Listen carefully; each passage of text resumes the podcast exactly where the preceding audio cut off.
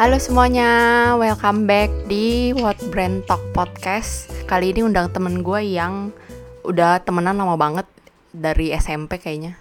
Iya Bener? dari SMP ya. Jadi- Lumayan aja ternyata kita. Iya lumayan loh. Jadi sebenarnya namanya Desi Noviani, tapi eh, ya ada long story kita manggil eh, wanita ini Cici. Selain Iya, tentunya nggak kes- nggak kesebut sama sekali nama Desi itu ya di Iya. pertemanan kita ya. Iya. Gue nyebut Desi tuh aneh gitu. Kayak kalau orang-orang manggil kebiasaan manggil gue Cek terus manggil gue Grace tuh gue agak kenapa lu Iya, tiba-tiba iya, iya. manggil gue Grace ya gitu. Iya, jadi gitu rasanya. jadi selamat datang Cici. Halo, selamat datang juga Cece. Terima kasih loh hari ini me- menyempatkan di sela-sela eh, menjadi ibu dan di sela-sela lagi hamil. ya itu dia ya yang mau kita obrolin hari ini. Iya. Jadi bagaimana kehidupan lu? Masih begini-begini aja sih. Jadi eh, cerita cerita yang tentang si kehamilan ini tuh gue tuh ketahuan hamil itu bulan apa ya, Desember kalau nggak salah cek Desem Desember tuh lu baru kira-kira tahu atau lu udah positif? udah positif. Oh, Jadi oke, Desember berarti udah itu gue firm udah ya. positif. Hmm. Uh, nah terus udah gitu ya biasa lah ya emang emang sebenarnya dari apa anak pertama sama yang kehamilan kedua ini emang jaraknya ya pengennya sesuai gitu sesuai dua tahun gitu nah Pas. uh, di Desember ini ya pas, gitu dua kan tahun. Jadi sebenarnya sesuai rencana ya? Ya, bisa Sebenarnya. dibilang sih kayak gitu juga sih. Hmm, Maksud hmm. gue, em, ya dua tahun itu eh, udah oke gitu buat nambah anak kedua dan ternyata kejadian di Desember gue positif ketahuannya. Nah, pas Desember itu kan sebenarnya mungkin di di di Wuhan sana tuh udah ada si pandemik ini, cuman kan di Indonesia kayak kita belum ngapa-ngapain Iya. kan, maksudnya kayak kayak biasa aja gitu. Jadi Jadi lu kayak masih jauh banget gitu loh. Heeh, Jadi begitu pas heeh. udah ketahuan positif ya santai aja kayak kayak hamil biasa gitu, Mhm. nggak ada yang eh, parno-parno kayak gimana tuh nggak ada. Cuman kan emang udah dengar-dengar wah ada ada apa? ada si virus ini virus-virus kan. di sana gitu kan. Hmm. Cuman, Cuman kan iya. di Indonesia kita kayak masih yang ah itu masih jauh lah masih dijadiin meme doang di sini jadi Iya, santai iya. aja gitu kan Iya, iya. Bahkan kayaknya sampai Ya. Februari gue masih stres hal yang lain dibanding stres virus ini kan. Maksudnya Iya, kita nggak notice sama sekali lah intinya gitu. heeh. Hmm.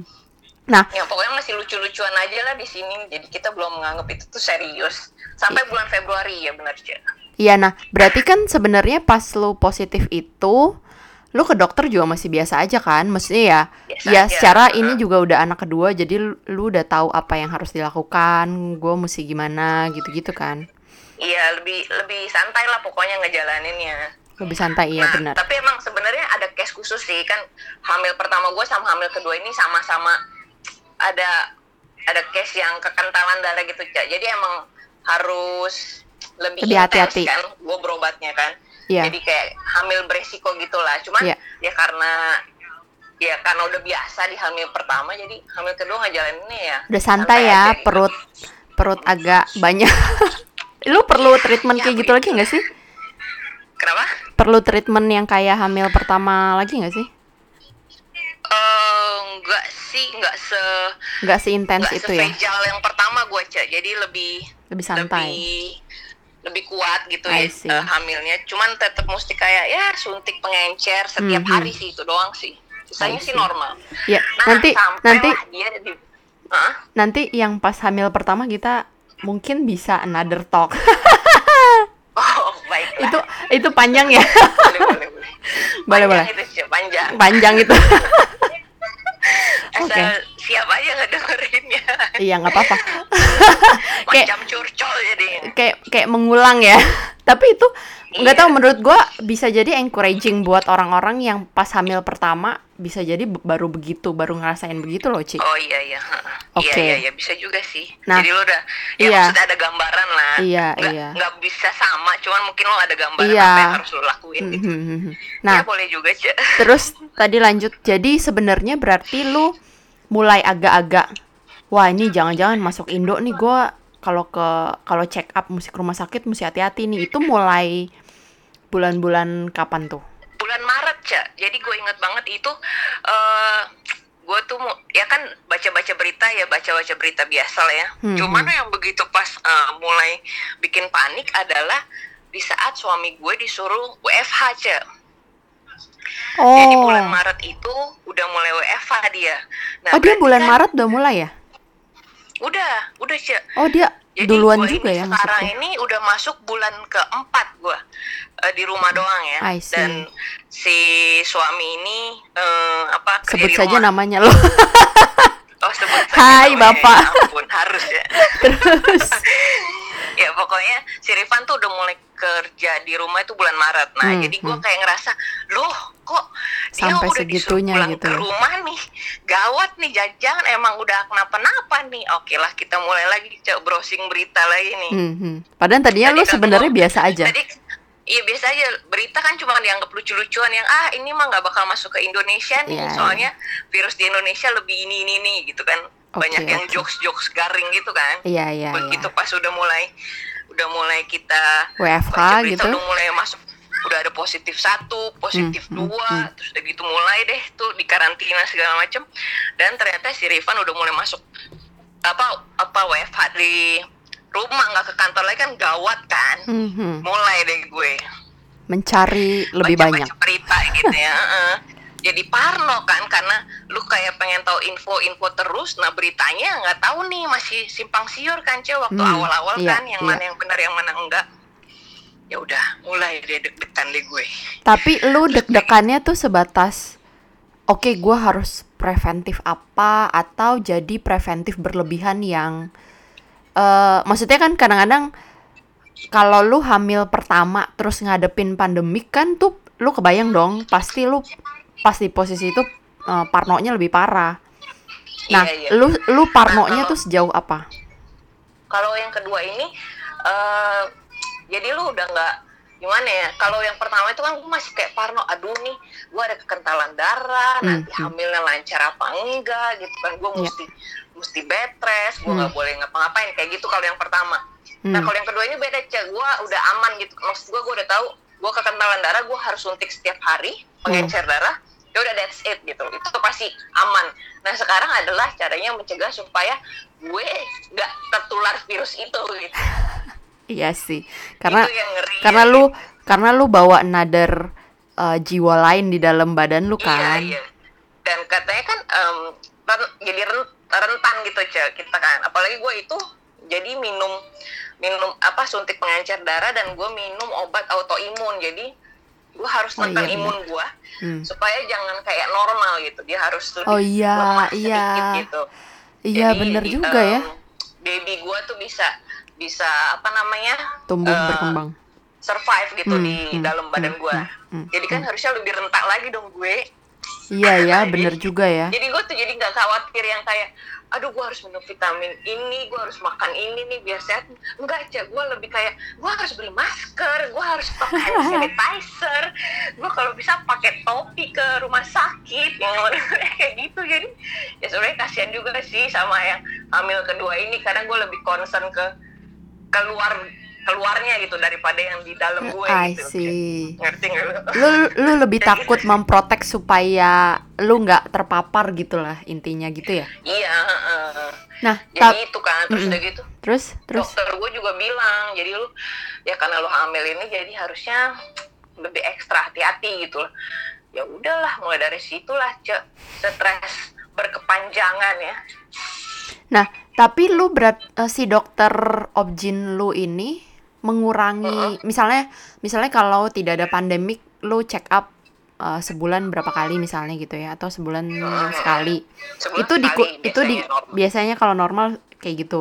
Kalau pas pandemik dia mengurangi nggak jadwal lu check up?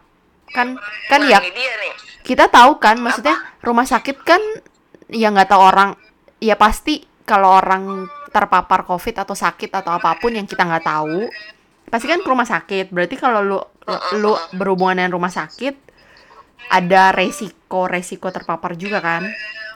Iya itu dia sih. Nah itu juga yang tambah bikin tambah pusing juga cak. Jadi setiap mau kontrol itu itu gue udah masuk trimester kedua berarti ya. Dari dari apa di Eh. bulan Maret itu gue udah masuk bulan keempat. Iya jadi benar. Jadi setiap kontrol itu stres banget. Terus gue tanya ke dokter gue.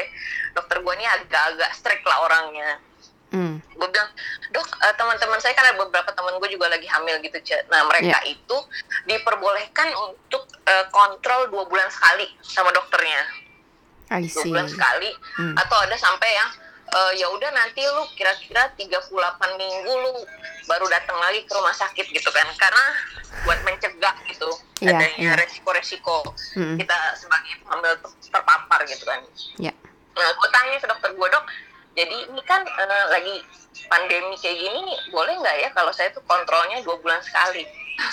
Terus begitu dia bilang, jawabannya bikin gue bukan tambah segar malah tambah lesu. Jadi dia bilang, lu ini hamil ke, jadi berobat ke gue ini karena kehamilan beresiko. Dia bilang. Mm. Walaupun sekarang yang kedua ini udah tahu cara ngatasin kehamilan ini, cuman tetap masih masuk kehamilan beresiko. Kalau lu berani ngambil eh, apa namanya kayak keputusan buat balik lagi ke gua ini setiap dua bulan sekali, kalau sampai terjadi apa-apa sama bayi lu, gua nggak bisa tanggung. Nah, lu Cek.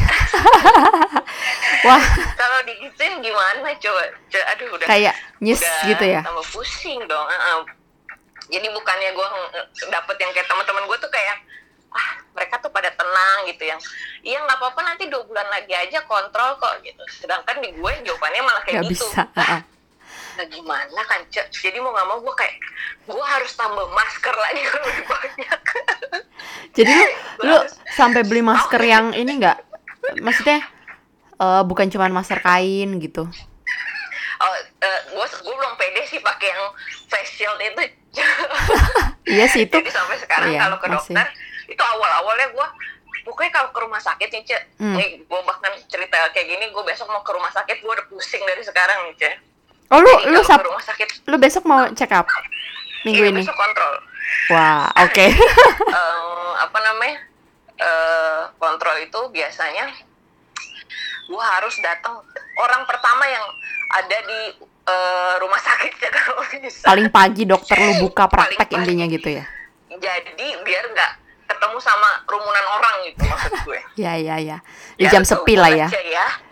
Nah, untungnya dia ini eh, praktek pagi nih dokter. Jadi Hmm. eh, biasanya setiap hari Jumat gue akan datang. eh, dia jam 8 praktek, gue jam setengah tujuh, jam tujuh gue udah ada di sana. Nah, guys, mohon untuk informasi ya si seorang Desi Noviani ini adalah orang yang sangat on time, bukan on time lagi. Lu kalau janjian sama doi jam 7 dia jam 6 udah dateng, Bos. Jadi emang begitu. udah kebiasaan cek, mohon maaf ya. Jadi kayak gitu. Bahkan yang registrasi aja belum datang. Dia belum nyalain ini cek buat ngambil nomor antrian gitu. Saking gue parnonya, gue nggak mau ketemu sama kerumunan orang gitu. Iya. ya tapi sebenarnya kalau ke rumah sakit sekarang sih kan gue eh, pergi ke dua rumah sakit ya selama ini jadi anak gue yang pertama divaksin Heeh. Terus sama eh, rumah sakit gue yang ini eh, objin ini kan beda jadi Oh. eh, sebenarnya sih ya kalau sekarang ini parnonya udah lebih berkurang karena eh, udah tahu gitu rumah sakit itu ada SOP sendiri gitu Cek. Mhm. jadi nggak sembarangan lu Iya. datang ke situ kayak ya Main asal masuk aja kayak gitu. biasa Hmm. enggak Hmm. tetap lu kayak masuk dicek suhu Iya. terus ada kayak eh, wawancara gitulah kayak, kayak lu tinggal di mana terus kayak Iya. Eh, apa Oh. namanya selama ini pergi ke tempat yang ada kerumunan apa enggak gitu pergi Oh, sampai ditanyain apa kayak enggak. gitu. iya iya cek ditanyain nama lu eh, tinggal di mana sama Hmm. nomor telepon jadi sebelum masuk rumah sakit kayak gitu kayaknya sih SOP-nya sih beda-beda cuman cuman menurut gue so far sih dua rumah sakit ini yang gue datengin ya Hmm. oke sih jadi ya bikin lu sedikit tenang gitu ya walaupun mereka rumah sakit tapi ya harusnya sih mereka eh, SOP-nya aman ya I buat see. buat apa si covid ini gitu Hmm, hmm, hmm. Oke. ya Oke. paling kalau misalnya ke rumah sakit itu yang bikin gue parno sekarang ya karena itu gue datang paling pagi sih jadi bener-bener yang begitu pas dokter dokter datang gue orang pertama gitu jadi at least uh, ya pikiran gue tempat tidurnya masih bersih Iya, iya. bantalnya masih bersih terus udah gitu ya udah terus cepet-cepet udah selesai diperiksa gue langsung pulang jadi gue nggak ketemu sama antrian orang yang lain gitu dan itu selama ya selama sekarang udah 8 bulan jalan 8 bulan gua ya selama 8 bulan kayak gitu lah Wah, berarti lu oh ya lu Agustus eh Juli ya? Juli apa Agustus sih due date? ya eh, Agustus sih cuman kan Agustus bisa ya? maju Ya. juga kan bisa Hmm, akhir hmm, Juli hmm, atau awal Agustus sih Nah, gitu Cak. lu maksud gue pas kan lu panik nih terus dokter lu juga strike gitu, Ci. Itu sebenarnya ya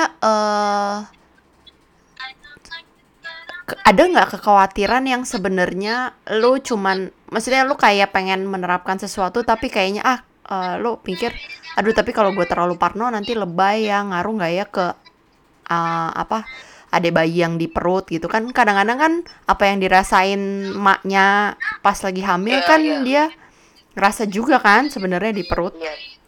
katanya sih kalau lu kalau nyokapnya stres ya bayinya juga iya. stres kan. Iya iya.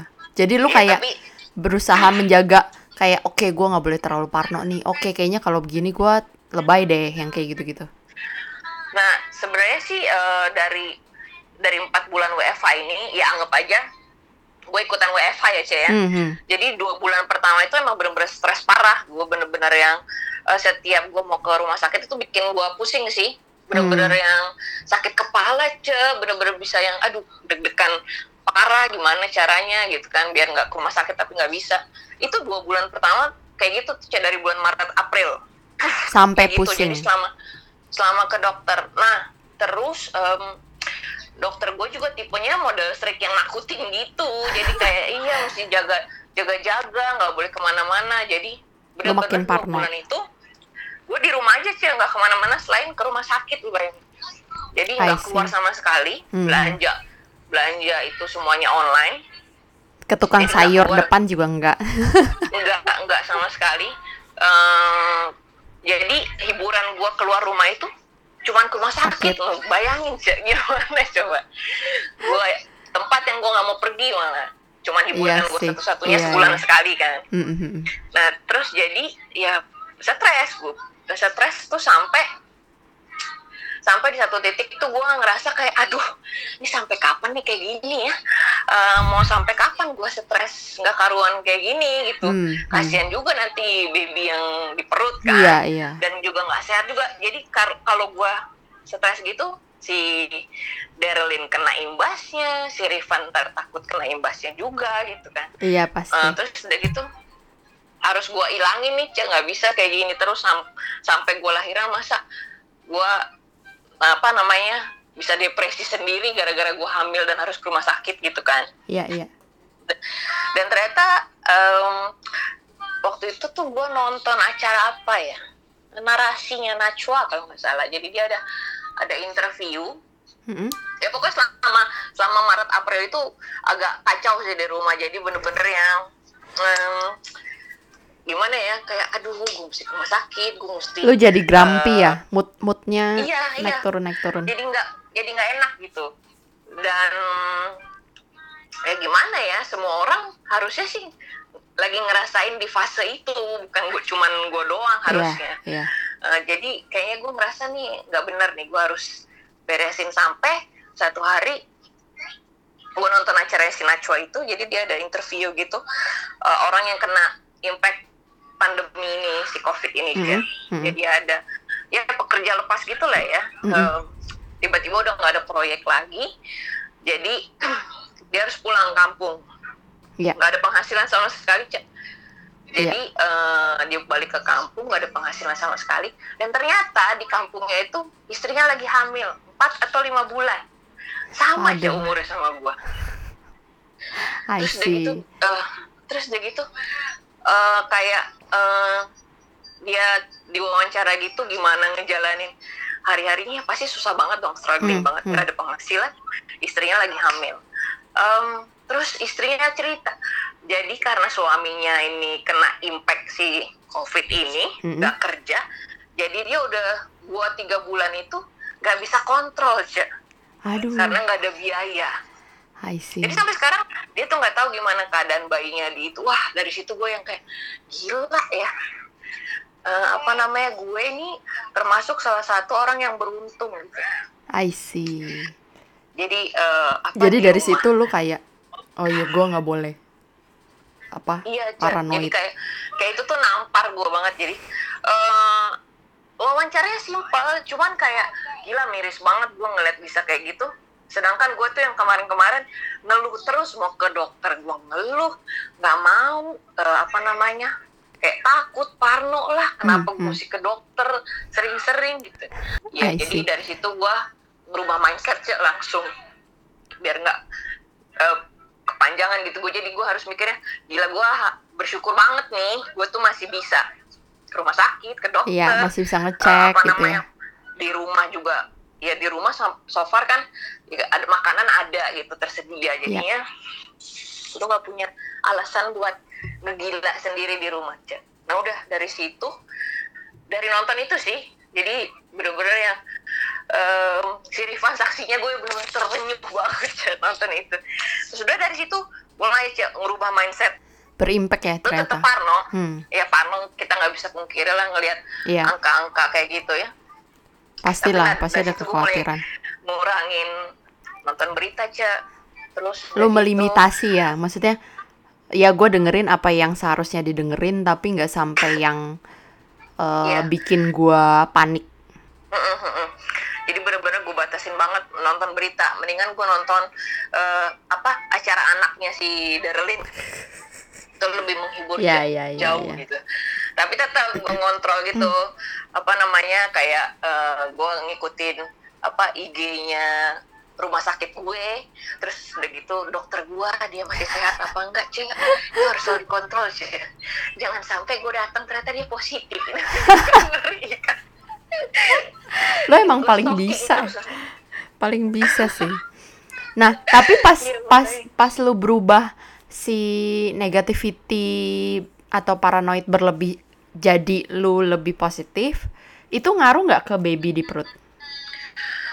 Eh, ya sebenarnya dari awal dari awal pemeriksaan emang sebenarnya babynya sehat-sehat aja Hmm, jadi nggak nggak impact ke dia apa apa gitu stres gue ini Hmm. cuman ya yang kelihatan kan ada di sekitar gue tuh si Rifan dan si Daryl nah cuman begitu pas berubah mindset ini jadi parnonya berkurang Ja- Hmm. jadi sekarang lo lebih santai. Eh, masih agak ya khawatir gitu kan waspada. Masalahnya gini kalau lu ke rumah sakit itu biarpun SOP di rumah sakit itu udah oke udah bagus tapi ada pasien-pasien yang bandel gitu cek model nggak mau pakai masker Iya, terus iya. gitu pilek dia bersin Sembarangan, aja, terus seka seka nggak pakai tisu cek hidungnya pakai tangan gitu. Aduh, Iya. pusingnya yang lihat kayak gitu sih. Ya makanya saran gua adalah sepagi mungkin lebih pagi dari saat Eh. jadi orang-orang itu belum bangun. Tapi itu sih emang udah habit lu begitu sih kalau janjian lu selalu paling awal. ya bahkan ada satu hari si dokternya bilang lah kok kamu udah pagi banget mbak datangnya? Untung saya ada operasi pagi loh ada operasi subuh. Kalau nggak kamu mau tunggu berapa jam? Nggak masalah dong. Yang penting saya orang pertama. Gitu jadi ceritanya Ce, selama gua Eh. gua FH di empat bulan ini Si baby udah ketahuan belum sih laki atau perempuan atau lu belum mau announce? Eh, kemarin ini pertama kali perempuan Hmm. terus udah gitu pergi lagi ya mungkin dokter gue juga stres akan covid ini dia berubah jadi laki-laki